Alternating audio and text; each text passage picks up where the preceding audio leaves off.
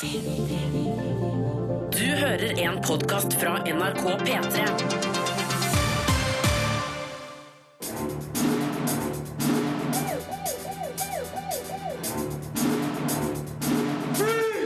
Filmpolitiet! What's your name, dude? Birger Vestmo.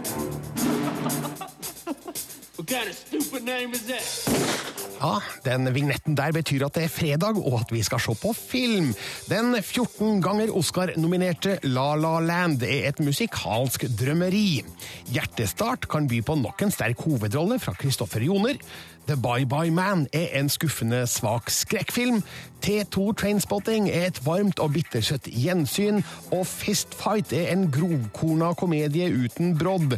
Det her er filmene som anmeldes i dag. Du får òg anmeldt det strålende rollespillet Horizon Zero Dawn. Du får møte Kristoffer Joner fra Hjertestart, og fra T2 Trainspotting får du høre fra regissør Danny Boyle og skuespiller Ewan Bremner, bedre kjent som Spud. Filmpolitiet anmelder film. It's pretty strange that we keep running into each other. Maybe it means something. I doubt it. Yeah, I don't think so. La La Land er en berusende musikal som unnviker sjangerens potensielle fallgruver, og forteller en sjarmerende historie med et stort hjerte for sine figurer. Det handler om drømmer og kjærlighet i stjernenes by, Los Angeles, og hva jakten på suksess kan koste. Regissør Damien Chazelle sprøyter filmen full av boblende energi, morsomme påfunn og leikende fortellerglede, samtidig som filmen renner over av musikalitet.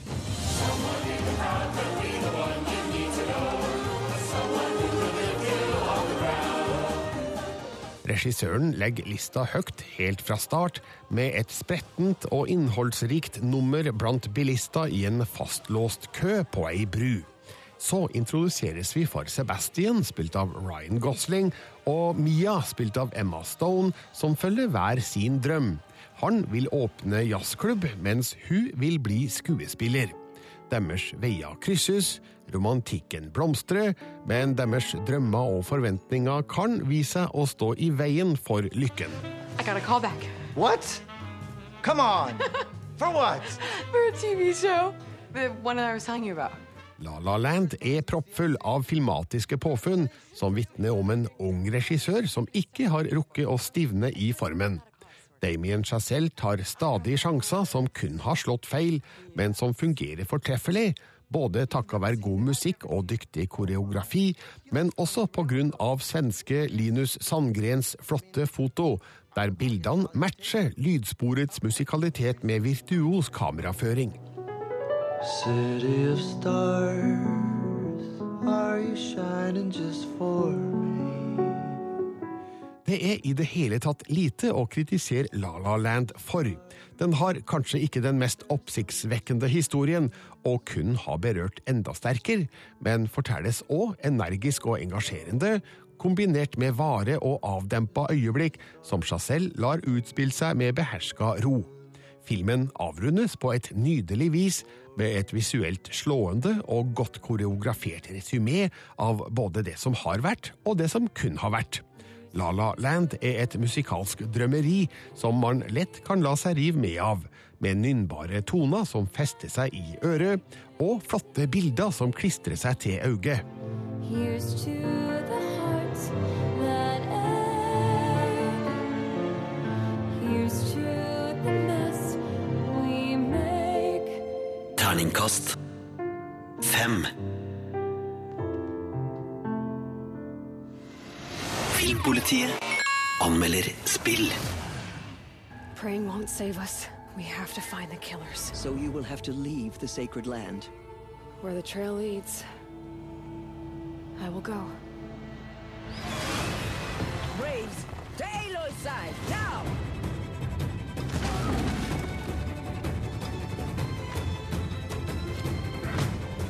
So it comes to this. What is it?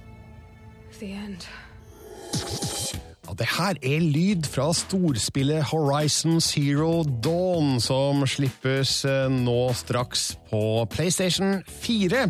Spillet har vært på Filmpolitiets toppliste over ting vi gleder oss til to år på rad, og nå er det altså her. Marte, du har brukt mesteparten av tida di på um, å brød og spille Horizon Zero Dawn den siste uka, og står spillet til de enorme forventningene? Vet du hva? Eh, Jeg har kost meg så mye, Birger. Eh, Forventninger er innfridd, altså det kan jeg bare Oi. konstatere Oh, oh. med en gang. Eh, Jeg har sittet oppe til langt på natt hver eneste dag fordi jeg ikke har klart å eh, slippe spillet fra meg, rett og slett. Det er veldig, veldig, veldig bra. Du må forklare hva er det her, da? Hva, Ja. hva handler Horizon Zero Dawn om? Jo, det her er jo da Du spiller en jente som heter Al Aloy, eh, som befinner seg i en postapokalyptisk verden eh, der eh, menneskeheten slik vi kjenner den, er forsvunnet. Og nå er den da befolket av litt sånn diverse stammefolk rundt omkring. Men vi har også en verden som er befolket av roboter, sånne dyrelignende roboter, som er veldig, veldig farlige. eh, Og disse stammefolkene da eh, prøver å liksom overleve i denne ugjestmilde verdenen, da. Ok, eh, Altså et actionrollespill i en åpen verden, mm. satt i en postapokalyptisk tid. Ja. Jeg føler jeg har hørt det her tusen ganger før. Ja, altså det er veldig mange spill av den typen her. Eh, og jeg, jeg stussa litt på det. Jeg tenkte liksom litt på det. Ja, hva er det egentlig Horizon Zero Dawn gjør som er nytt? Eh, og svaret på det er egentlig ikke så veldig mye. Men det er bare det at det spillet gjør det så veldig, veldig bra. Altså, dette er en massiv, åpen spillverden som er en fryd å bevege seg i. Eh, landskapet og altså, alle detaljene er mesterlig eh, laga. Altså. Jeg føler at jeg går rundt i skogen eh, på ekte. Og så er det en veldig sterk historie her. Spennende rollefigurer. Eh, og, og så er det også en ting som eh, kjennetegnes i en rollespill av denne typen, så er det ofte at den, altså spillverdenen er spekka med masse sånne sideoppdrag eh, som er veldig kjedelige å gjøre. I Horizon Zero Dawn så har de kutta litt ned på sideoppdragene. De er der fortsatt, men de føles relevante for resten av handlingen. Sånn at jeg føler at jeg blir kjent med eh, flere rollefigurer på en god måte, og at de gir meg noe mer relevant info. Så sånn sett så, så føles det liksom som at jeg utforsker mer av hovedhistorien selv når jeg gjør sideoppdrag. Nå er jeg veldig spent, Marte, på hvilken karakter du gir Horizon Zero Dawn. Oh. litt, nå, nå må jeg bare ned med musikken her nå. Ok, ok, ok. Er du klar? Jeg er klar. Terningkast seks. Oi! Ja, det, vet du hva? det er bare å kose seg, altså. Eh, Jeg digger Horizon Zero Dawn. Det, det er- kunne ikke blitt bedre, rett og slett. Slippes til PlayStation 4 på onsdag. Filmpolitiet anmelder film. Så godt. Ikke sånn. Hvordan du vil ha det. Sånn som mamma gjør det. Jeg husker ikke jeg hvordan mamma gjorde det. Kristoffer Joner ser ut til å være ute av stand til å prestere en dårlig rolle. I dramaet Hjertestart spiller han en mann som bærer på både sorg og skam. Regissør Arild Andresen forteller en sår og vond historie som de fleste forhåpentligvis ikke kan relatere seg 100% til, men kanskje delvis. Om man ikke nødvendigvis har samme tanker som hovedpersonen, burde det være mulig å forstå hvor de kommer fra.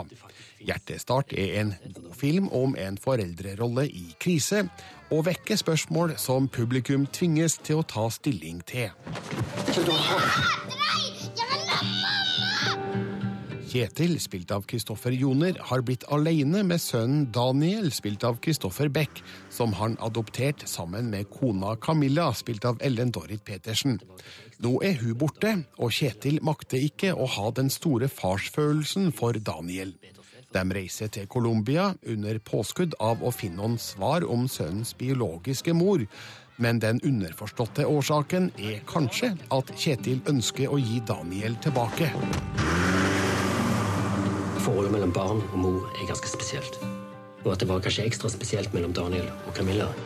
Går det an å tenke sånn om det faktisk fins et bedre sted for Daniel? Innledninga viser glimt av den nære fortidas familielykke og tomheten som preger nåtida. Kjetil holder avstand til Daniel, som var mest konas prosjekt, som han uttrykker det.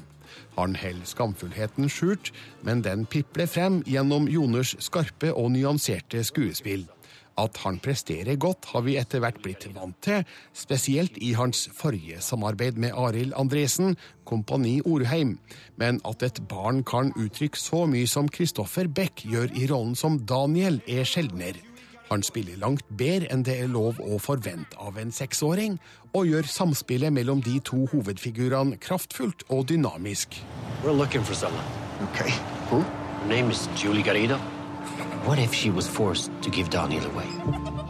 Hjertestart stiller vonde spørsmål om en fars følelsesmessige distanse til sitt adoptivbarn. Manuset, skrevet av Jorge Camacho, Arild Andresen og Hilde Susann Jektnes, gir figurene god dialog til å diskutere grunnleggende holdninger til farskap, samtidig som det ikke overdramatiserer tematikken. Bare et radikalt forslag i filmens siste del kommer brått og uventa, og føles lite troverdig. Hjertestart er likevel nødt til å gjøre et visst inntrykk, med interessante problemstillinger og engasjerende skuespill, spesielt fra de to Kristofferne. I can't give him what he needs. Do you understand that, Tavo? I can't. Terningkast fire Filmpolitiet. på P3. Kristoffer Joner spiller hovedrollen i premierefilmen Hjertestart, som er anmeldt i sted. Joner er jo en skuespiller som etter hvert har fått en lang og innholdsrik karriere. Han debuterte i TV-serien Offshore på midten av 1990-tallet, og siden har vi sett han i filmer som Mongoland, Villmark, Gymnaslærer Pedersen, Kompani Orheim, Bølgen og mange, mange flere. Han var gjest i eh, programmet Larsens leilighet som du kan se på TV nrk.no, der Vegard Larsen spurte Kristoffer Joner hvorfor han ville være med i Hjertestart. Nei, altså Først så er det jo eh, Arle Andresen som jeg har jobbet med før. Vi lagde Orheim sammen, og eh, vi, vi jobbet veldig bra sammen der. Og, og så er det jo et manus som er litt sånn Litt tabuemne, litt sånn ja, Og det, jeg merker jeg trekkes litt til sånne ting. Um, og så er det en far-sønn-historie, altså, som er en klassiker, udødelige greier. Altså, det er sånn som man eh, Som jeg liker å gjøre, holdt jeg på å si. Og så, ja. Ja, for det handler om en, en eh, far som er usikker på om han klarer å faktisk eh, være faren til, til adoptivsønnen sin. Han har ikke de følelsene som man tror kanskje en far skal ha. Han, han rett og slett elsker ikke sønnen sin. Og, eh, men han hater jo ikke heller. Altså, han vil ikke ungen noe vondt. Men så han prøver å finne ut hva, hva er det beste jeg kan gjøre for denne lille gutten. her. Altså, er det kanskje bedre å få han til en annen familie, eller kanskje bedre til å få han et annet sted? Fordi eh, den kjærligheten den til barn må man ha. Eh, tror jeg. Ja. når, når du spiller mot eh, et så lite barn, eh, har du alt ansvaret da? Nei. Nei, altså, men mitt ansvar er kanskje i, i, i begynnelsen, når, vi, når jeg treffer ha- eh, denne lille, lille skuespilleren, er at vi trenger å Det er lettere hvis meg og han blir kompiser. Så vi ble kompiser ganske fort. eh, Og så eh, så, så, skal jeg bare, så skjer jo ting litt. Og det er jo det magiske med, med kids, er at eh, av og til skjer det bare litt sånne ting som du må bare uh, høre etter og følge litt med, og så, og så skjer det bare Av og til så er det dritbra, av og til så er det ikke så bra, og så får vi bare prøve oss fram. Det sa Kristoffer Joner til Vegard Larsen i programmet Larsens leilighet, som du kan se på TV nrk.no. Anbefalt. Filmpolitiet anmelder film. He's real. If you say his name, or even think it, he'll come for you. Det burde være unødvendig å vise den amerikanske grøsseren The Bye Bye Man på kino. Den mangler alt av originalitet, er oppsiktsvekkende lite skummel og har veike skrekkeffekter. Regissør Stacey Title kun fått fart i sakene med et blodigere og saftigere innhold, men feiger ut konsekvent og har trolig vært bundet av kravet om en lav aldersgrense. Noen forvirrende forstyrrelser av hovedpersonenes virkelighetsoppfatning er nesten det eneste som er verdt å sette pris på i denne filmen, som burde gått rett til leiemarkedet. The Bye Bye Man er skuffende svak skrekk. It's like now that I know his name, he's coming for me. And the more I try to get rid of it, the bigger it gets. Studentene Elliot, spilt av Douglas Smith, John, spilt av Lucian Laviscount, og Sasha, spilt av Cressida Bonas, leier et stort hus utafor campus. Snart begynner de å oppleve merkelige ting i huset. På det tidspunktet vet vi allerede at det skyldes en figur kalt The Bye Bye Man, fordi filmen i en prolog viser hvordan hans eksistens forårsaker et morderisk kaos mange år tidligere. Vennene begynner å nøste opp i mysteriet og finne ut at forbannelsen de har utsatt seg for, ikke er så lett å bli kvitt. Hva happened? You're gonna tell me you know that? Please don't make me say it. Don't say it, don't think it. The Bye Bye Man er basert på novellen The Bridge to Body Island av Robert Damon Schneck. Hva filmskaperne så i historien, vites ikke. Filmen fremstår i alle fall som en dårlig etterligning av bedre busemenn-filmer som Nightmare on Elm Street, Candyman, Sinister og The Babadook. Unge mennesker som uforvarende vekker en ond skapning, har vi sett så mange ganger at man må tilføre noe nytt og friskt. Det gjør dessverre ikke The Bye Bye Man, som repeterer kjente sjangergrep, men lar merkelig nok være å utnytte historiens potensial til effektivt skremmeri. Hey, he's trying to get inside us. Jesus. He makes us see things. Har man ikke sett mye skrekk før, kan denne filmen kanskje ha en effekt, men den havner nær bunnen av min uskrevne rangering over skrekkfilmer. The Bye Bye Man måtte hatt en smartere historie, sterkere grøss og bedre utnyttelse av huset som en figur i seg sjøl for å fungere bedre. Filmen er dessverre for dårlig til å rettferdiggjøre et kinobesøk, og er knapt verdt en sjanse på strømmemarkedet når den tid kommer. Terningkast 2. Og tidlig å ta en titt på nyheter fra filmverdenen, og det har du, Marte, tenkt å hjelpe meg litt med. Ja. Hvor skal vi hen først, da? Vet du hva, Vi, Vi la oss dra eh, til Ben Affleck-land og Batman. For for litt siden så eh, gikk jo Ben Affleck ut og sa at vet du hva, jeg klarer ikke være både regissør, manusforfatter og hovedrolleinnehaver i The Batman-filmen. Det er jo forståelig for så vidt, det. Det er jo en kjempeproduksjon, Ja. sannsynligvis, og det må være vanskelig å spille flere roller på en gang her. Så han ga fra seg regiansvaret, og nå er det da klart at eh, det er Matt Reeves som har fått regien på The Batman. Ja, en eh, spennende fyr, kjent for annet Cloverfield og Planet of the Apes og Ja, og så var det også han som lagde den amerikanske versjonen av La den rette komme inn. Let me in. Ja. Så det her er en eh, bra fyr, så det blir spennende å se eh, hvordan han og Ben Affleck gjør det sammen. Jeg, Ja. jeg har trua. Jeg sa Planet of the Apes, jeg tenker da selvfølgelig da på Dawn of the Planet Ja, of the Apes, og den kommende War for the Planet of the Apes. Mm.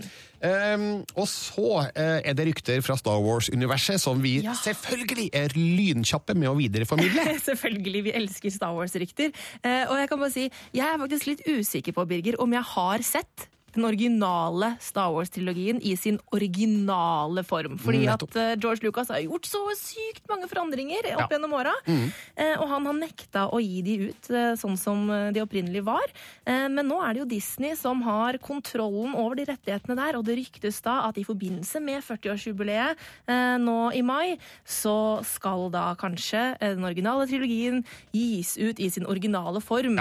Bare på Blu-ray, vil jeg regne med. Det er jo noe fansen har spurt etter i årevis. Mm. George Lucas har nekta, fordi han, eh, han vil gjerne at vi skal se de oppussa, oppfriska versjonene. Mm. Eh, spørsmålet er jo vil vi egentlig se de originale? Ja, altså Jeg tror kanskje jeg kan godt slå meg sånn tilfreds med den der 1993-varianten, men eh, det har jo kommet så mye digitale eh, editions i ettertid som jeg tror kanskje vi kunne vært foruten, altså. Ja, Vi får se da om det her virkelig skjer. Det her er kun rykter enn så lenge, folkens. Og så har det skjedd noe nytt med den kommende, forhåpentligvis kommende Morgan Kane-filmen. Ja. Basert på de kjente bøkene. Ja, altså Når jeg hører Morgan Kane, så må jeg bare si med en gang, da tenker jeg på den der låta til Benny Borg. Sånn, Morgan Kane var! Nemlig. Men det her er jo en veldig kjent eh, norsk bokserie. Eh, Og det var en, eh, en norskættet amerikaner som hadde store planer om å lage Morgan Kane-film i Hollywood. Men det har jo ikke gått så bra, Birger. Nei, altså Han var jo tiltenkt hovedrollen, eller hadde tiltenkt seg sjøl Ja. hovedrollen. Nå, eh, nå skjer ikke det lenger, så nå er manuset i ferd med å skrives yes. på nytt igjen eh, Ja. av Skip Woods. Og han er jo en fyr som har mye kule ting på CV-en sin. Altså, han har laga X-Men Wolverine på manusfronten, Die Hard blant annet. Han har gjort eh, mye spennende. Eh, sånn at det, det virker som at det, eh, den, den er liksom, det er i ferd med å steppe i røpp på Morgan Kane-fronten. Fordi eh, ja, det er liksom produsenten bak The Martian og sånn som også er med om bord her. Ja, Mark Huffam, som også har produsert den nye Alien-filmen, mm. Alien Covenant, så det er en del fine navn her nå som kanskje gjør det litt mer sannsynlig at vi får en Morgan Kane-film, men det, ja, Men da- løpet er langt. Det hadde jo vært veldig kult om en, på en, måte, en god gammel eh, norsk eh, på et vis da, eh, helt hadde fått en storslagen Hollywood-film. Absolutt. Natt til mandag skjer det. Oscar-utdelinga i Los Angeles er rett rundt hjørnet, og det skal du følge med på hele natta, Marte. Hele natta skal jeg sitte oppe og følge med på hva som skjer. Jeg er jo kjempespent på Vil La La Land bli historisk og slå eh, Titanic og Ben Hur og atter en konge med, med De fikk vel elleve Oscar eh, Mm. i sin tid. Ja, den har jo 14 nominasjoner, da. Så. Ja, men jeg tror ikke den vil eh, nå så langt som til elleve priser. Altså, det er sterk konkurranse i mange av eh, kategoriene, men kanskje den får med seg en seks-sju stykker, da. Ja. Eh, Hvilke er nominert i beste filmkategorien, den Ja. aller gjeveste? Den aller gjeveste, der har vi Moonlight, La La Land, Lion, Manchester by the Sea, Fences, Arrival, Hell or High Water, Hidden Figures og Hacksaw Ridge. Skal jeg kaste ut en brannfakkel her nå og, og si at uh, sjøl om jeg liker La La Land veldig godt, så er det ikke den beste filmen her. Hvem, hvem mener du er best? Nei, altså, Jeg syns at både Moonlight og Manchester by the Sea er sterkere filmer, med bedre skuespill, eh, bedre manus og etter et eh, ja, jeg skal vel kanskje ikke si bedre formspråk, i og med at La La Land er full av formspråk. Men eh, jeg syns at det er mer gjennomførte filmer da, og også Hell or High Water, som overraska all i eh, fjor høst, eh, er en kruttsterk utfordrer. Men ja, det er vel lite sannsynlig at den går hen og skulle vinne beste film. Nå, nå er det La La Land som er stor favoritt. Ja, det er jo det, da. Eh, og, og det er jo en sånn film, sånn feel good-film, som sikkert veldig mange i akademiet vil liksom kose seg med, ser jeg for meg. Det er en film om film, og Ja. det har vist seg før at det kan Oscar-akademiets mm. filmmedlemmer like. Så vi, vi får se. Jeg er usikker, altså. Det kan komme en liten bombe. Eh, La La Land er kanskje det trygge valget, men eh, jeg skal ikke se bort ifra at Moonlight eller Manchester by the Sea kan hevde seg der.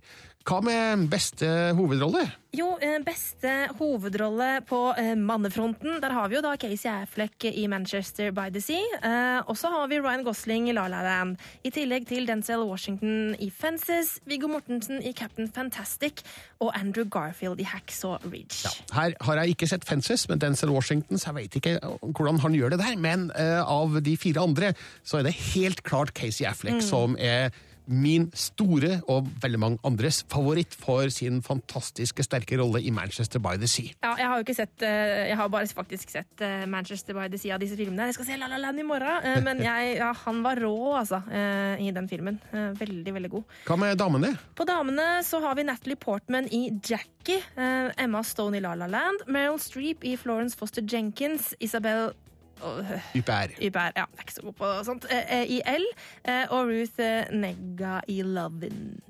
Eh, ikke sett Jackie, uh, ikke sett uh, L eh, enda, men de tre andre har jeg jo fått med meg, og klart, jeg er jo den som ønsker Meryl Streep alle priser i verden. Så spørs det om Florence Foster Jenkins er den mest Oscar-prisverdige rollen hun har gjort. Det er en flott film, men her er vel Emma Stone en favoritt for mange, og jeg syns hun gjør en sterk rolle i La La Land, sjøl om det kanskje ikke er den dypeste figuren hun har spilt. Eh, Så, eh, så syns jeg hun gjør en fortreffelig innsats eh, med både sang og dans og spill. Ja, og så tenker jeg bare sånn Jackie, altså, det er jo, altså, hun er jo en av de elskede figurene i amerikansk historie, så jeg, jeg ser for meg at det er kanskje mange som uh, vil like Natalie Portmans veldig sånn tatt, tar henne på kornet da, i filmen, så det kan jo hende at, at sånn typisk sånn historisk drama blir belønnet også. Ja. Men jeg tror Ebba Stone. Ebba eh, ikke nødvendigvis fordi hun fortjener det, men fordi at jeg tror at det, det er der landet ligger. Ja, og folk liker Ebba Stone. Vi får se natt til mandag når Oscar-utdelinga foregår. Hvem som vinner, kan du lese på p3.no skråstrek filmpolitiet. Filmpolitiet anmelder film. Hello, Mark. So, what you been up to for 20 years? T2 Trainspotting er en god oppfølger som aldri hadde mulighet til å måle seg med originalen. Regissør Danny Boyle virker å være mest interessert i å se bakover, og pakke både figurene og historien inn i tykk og melankolsk nostalgi. Spørsmålet er om vi ville hatt det på noe annet vis. Gjensynet med Renton, Sickboy, Spud og Begby er nemlig både hjertelig og bittersøtt. Can't fail again, Mark, and I need to detox the system. Spud detox the system. What does that even mean? Mark Renton, spilt av Ewan McGregor, kommer tilbake til Edinburgh for første gang på 20 år. Gjensynet med Simon, eller Sickboy, spilt av Johnny Lee Miller, er ikke udelt positivt. Han er fremdeles sint etter at Mark stjal narkopenger fra kameratene sine og rømte utenlands. Spud, spilt av Ewan Bremner, bryr seg ikke, siden han ville ha brukt opp alt på stoff uansett. Begby, spilt av Robert Carlyle, som nettopp har rømt fra fengsel, går derimot i drapsmodus når han får greie på at Renton er tilbake i byen. I've been in a fucking jail for 20 years. You don't fucking notice, of course. Skuespillerne har funnet tilbake til essensen av sine 20 år gamle figurer, og gjør at de er fullt gjenkjennbare. Kjemien og replikkvekslingene sitter fra første scene. Filmen dyrker det som har vært, med flere små innklipp fra den første filmen, kjente toner av Underworld's Born Slippy og Lou Reeds Perfect Day, som svever i bakgrunnen i noen scener, samt en vittig Lust for Life-setup som gir en god payoff. Manuset, skrevet av John Hodge, basert på Irvine Welsh-bøkene Porno og Trainspotting, refererer stadig til forhistorien, inkludert en Choose Life-scene, der Renton riktignok får en mulighet til å ta tempen på samtida, men det virker litt pliktoppfyllende, sjøl om innholdet til dels er treffende. Choose life. Choose Facebook, Twitter, Instagram, and hope that someone, somewhere cares. T2 Trainspotting, en litt frekk tittelreferanse til Terminator 2 Judgment Day, er uansett et velkomment gjensyn med et filmatisk univers som har satt spor etter seg, og med figurer som man føler noe for, sjøl om man kanskje ikke nødvendigvis liker alle. Denne oppfølgeren vil ikke oppnå samme status som originalen, men er absolutt godkjent som et ofte morsomt, tidvis bittersøtt og stadig underholdende etterskrift.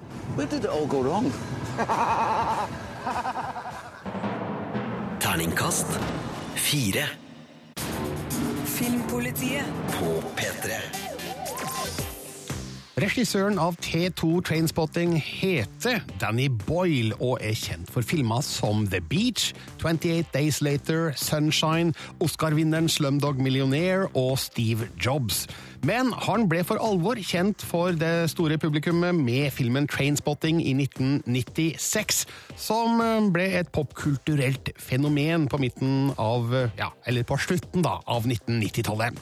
Da jeg møtte Danny Boyle i Berlin sammen med et knippe andre journalister, så innrømte Danny Boyle at eh, han var litt nervøs før han gikk i gang med T2 Trainspotting, for hva om den ble dårlig?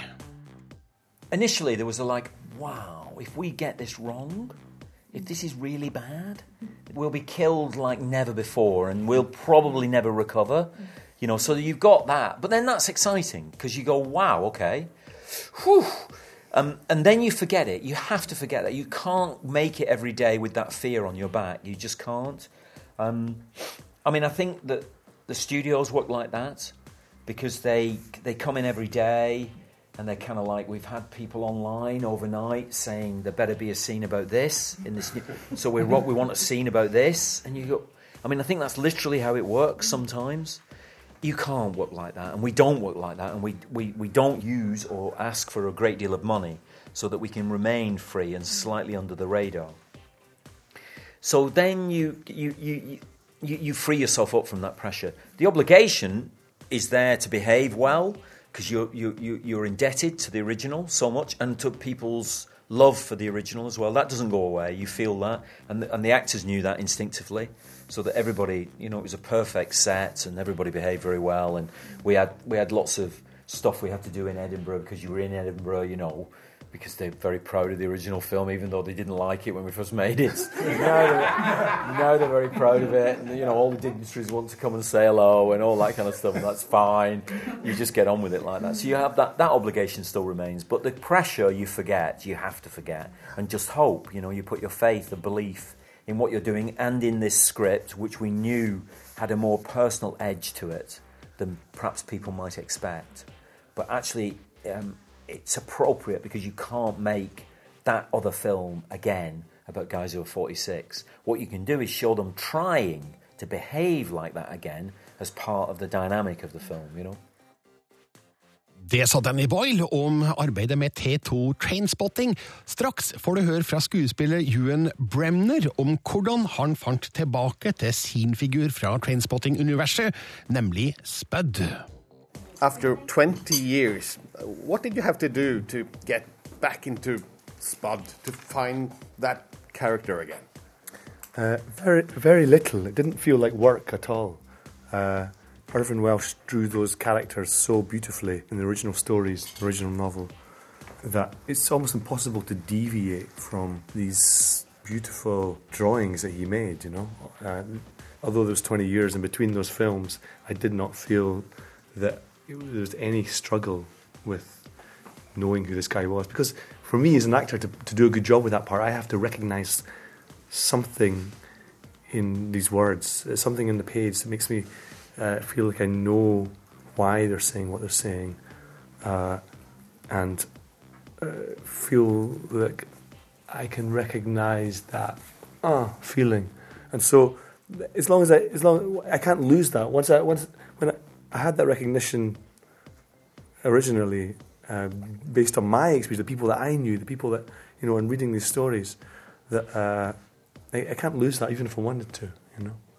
The first train spotting was so relevant when it came in the 1990s, said so much about being young at that time. What does this one has to say about living in the 2010s? Um, society has changed, and that's and that's inevitable, and that's and that's uh, is brought into great focus by a, film like this. It forces you to uh, realize that you're not that young guy that you think that you are. You're actually when I see myself uh, in the young, you know, there's a, there's a few little flashes of the of the original film in this film. And it's, it feels tragic to me to see that. It feels like against this old this old guy's face, and then this young kid. It just feels it feels tragic. Um, but I'd say that you know, 20 years ago when this when the original film was made, in my part of the world, uh, we were coming out of a period of very cons- a very conservative right wing period into a time of hope, change, enlightenment, progressiveness, equality. It was being celebrated. as an explosion in culture and music and, and film and now, like 20 years later, we're moving from, we're moving like to the other side of the moon. We're moving into this uh, very conservative phase. That to me is quite interesting, and it feels cyclical. Det sa Ewan Bremner om eh, T2, Trainspotting, og hvordan den nye filmen eh, står seg i forhold til den gamle. Du kan se resultatet sjøl på kino. Den har premiere i dag. Filmpolitiet anmelder film. Two teachers are in a school fight to end all school fights. You're about the teacher fight? Hashtag teacher fight. The whole school's into it. We're gonna tailgate. Why don't you just take a punch and then just go down? Play dead like possums do, or anything that's like a like a pussy animal. Filmpolitiet på P3. Vi hørte lyd fra Fistfight, som har premiere i dag, og den filmen sendte jeg deg på, Marte Hedenstad. Det Fordi gjorde du. jeg tenkte at en, en film som heter Fistfight, det er midt i blinken for deg. Eh, Jeg går jo faktisk på taekwondo, sånn at eh, jeg vet å bruke Ja, nevene. nettopp, det var Så det derfor. var godt tenkt, Birger. Ja. Eh, Men det var, var ikke en sånn kjempefornøyelse å, være, å, å se Fistfight, altså. For Ah. det, det her Bare la meg gi deg plottet. Ja.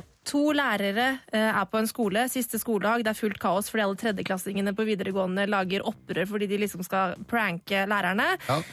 Den ene læreren får den andre læreren sparka, og da vil den eh, ene læreren da banke opp den andre læreren. Og det that's it. Det, det er det det går ut på. Det høres jo kjempebra ut! Ja! Så det er da rett og slett Ice Cube vil banke opp Charlie Day fra den eh, All Is Always Sunny in Philadelphia-serien Horrible Bosses osv. Og, og hele filmen går altså da ut på at Charlie Day prøver å slippe unna denne eh, kommende eh, fistfighten som da skal skje etter skoletid mm -hmm. i skolegården. Eh, og det her er da en hysterisk eh, komedie fra start til slutt med et sånt intenst tempo hele tiden. Ice Cube er sint hele tiden, og Charlie Day er her oppe hele tiden! og eh, det, vet du hva? Jeg blir så sliten, jeg, Birger. Okay. Jeg blir så sliten. Ja, er det ingenting å le av her, da? Nei, altså, eh, det er noen få ting å le av. Altså, I tillegg til alt dette som skjer på skolen sin, så skal Charlie Day på en sånn eh, Eller Andy, da, som han heter i filmen. Han har en sånn eh, Datteren hans skal på en sånn talent-showcase på sin egen skole, som han må skynde seg til. Og hennes opptreden er veldig kul. Minner meg litt grann om Little Miss Sunshine. Veldig artig. Ellers så er også Gillian Bell med, eh, som er kjent manusforfatter fra Saturday Night Live. Og hun er ganske morsom eh, og har et par sånne velvittige kommentarer, men utenom det så er alt ganske så krisedårlig, og jeg bryr meg så lite på hva, som- om hva som kommer til å skje med Charlie Day. Vil Ice Cube banke den eller ikke? Couldn't care less. Og så er det så masse sånne dårlige puns. og så sånn på slutten, eller det er ikke ved slutten, i løpet av filmen så kommer selvfølgelig politiet, og så uh, presterer da Ice Cube å si Fuck the police. Okay. Og når han sånn siterer seg selv eh, fra sin egen låt. eh, Fra, ja. NWA. ja, og det er, det er vondt. Jeg får vondt i sjela. Jeg beklager at jeg sendte deg på denne filmen, Marte. Jo, eh, som da heter Fistfight, og får Terningkast to. Filmpolitiet.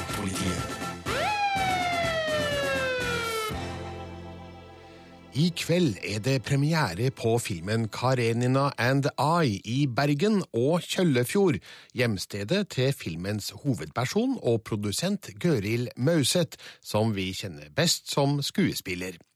Hun har allerede besøkt flere norske byer for å vise filmen, og fortsetter med det i ukene fremover, blant annet med en festpremiere i Oslo 5. mars. Men sjølve norgespremieren er altså satt til i dag, og derfor anmeldes filmen nå. Вронский. Вронский. Ротмистр помещик. Очень приятно. Анна Каренина.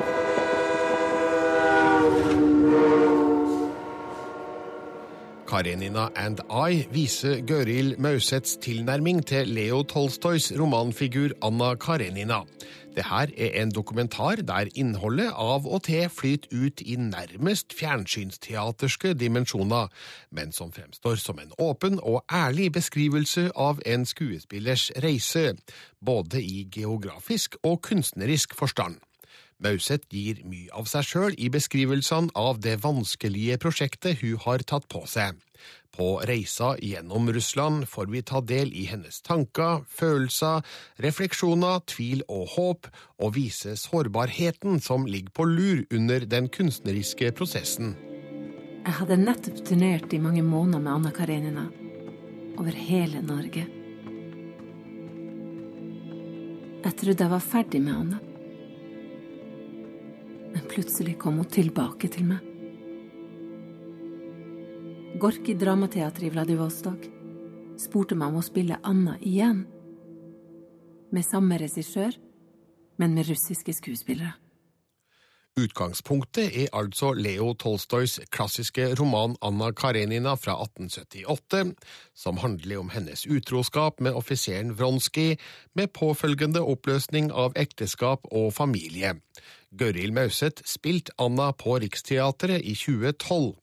Året etter skulle hun gjenta rollen på Gorki Dramateatret i Vladivostok, men denne gangen på russisk, et språk hun ikke kan. Filmen viser hvordan hun legger ut på en 1100 mils togreise mot øst gjennom Russland, både for å forberede seg til rollen og lære språket. Underveis besøker hun blant annet St. Petersburg, der Anna Karenina ble født. Hun oppsøker stedet der Leo Tolstoy skrev romanen, og møter blant annet hans oldebarn. Alt for å komme nærmere innpå Anna. Fra Murmansk til Vladivostok er det 11 000 kilometer. Jeg har en måned før jeg skal begynne på prøven.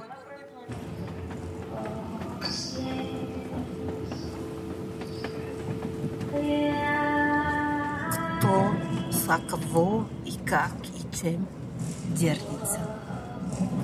Кто, с кем и в чем Filmen er regissert av Mauseths italienske ektemann Tommaso Motola, som stort sett holder seg bak kamera. Mauseth er naturligvis i konstant fokus foran kamera, og er òg filmens produsent. Hun ser tilsynelatende mye av seg sjøl i Karenina, og omtaler hun som om hun virkelig har eksistert, og kanskje gjør det fremdeles. Hennes engasjement smitter, og gjør at nysgjerrigheten pirres, sjøl om mange beskrivelser av Tolstojs figurer og detaljer fra historien krever at man har lest Anna Karenina, og helst nylig, for å forstå referansene godt nok. Romanen handler veldig mye om identitet. Hvem vi er. Hvem, hvor vi kommer fra. Det har vært et spor for meg som jeg følger. Karenina and I forteller åpent om utfordringene Mauseth utsetter seg for, men holder likevel igjen på noen punkter. Hun forteller at hun hadde en alvorlig ulykke som 15-åring, som kanskje hadde avgjørende betydning for hennes yrkesvalg, men sier ikke hva som skjedde. Filmens klimaks, premieren i Vladivostok, blir raskt forbigått og bare beskrevet som en suksess.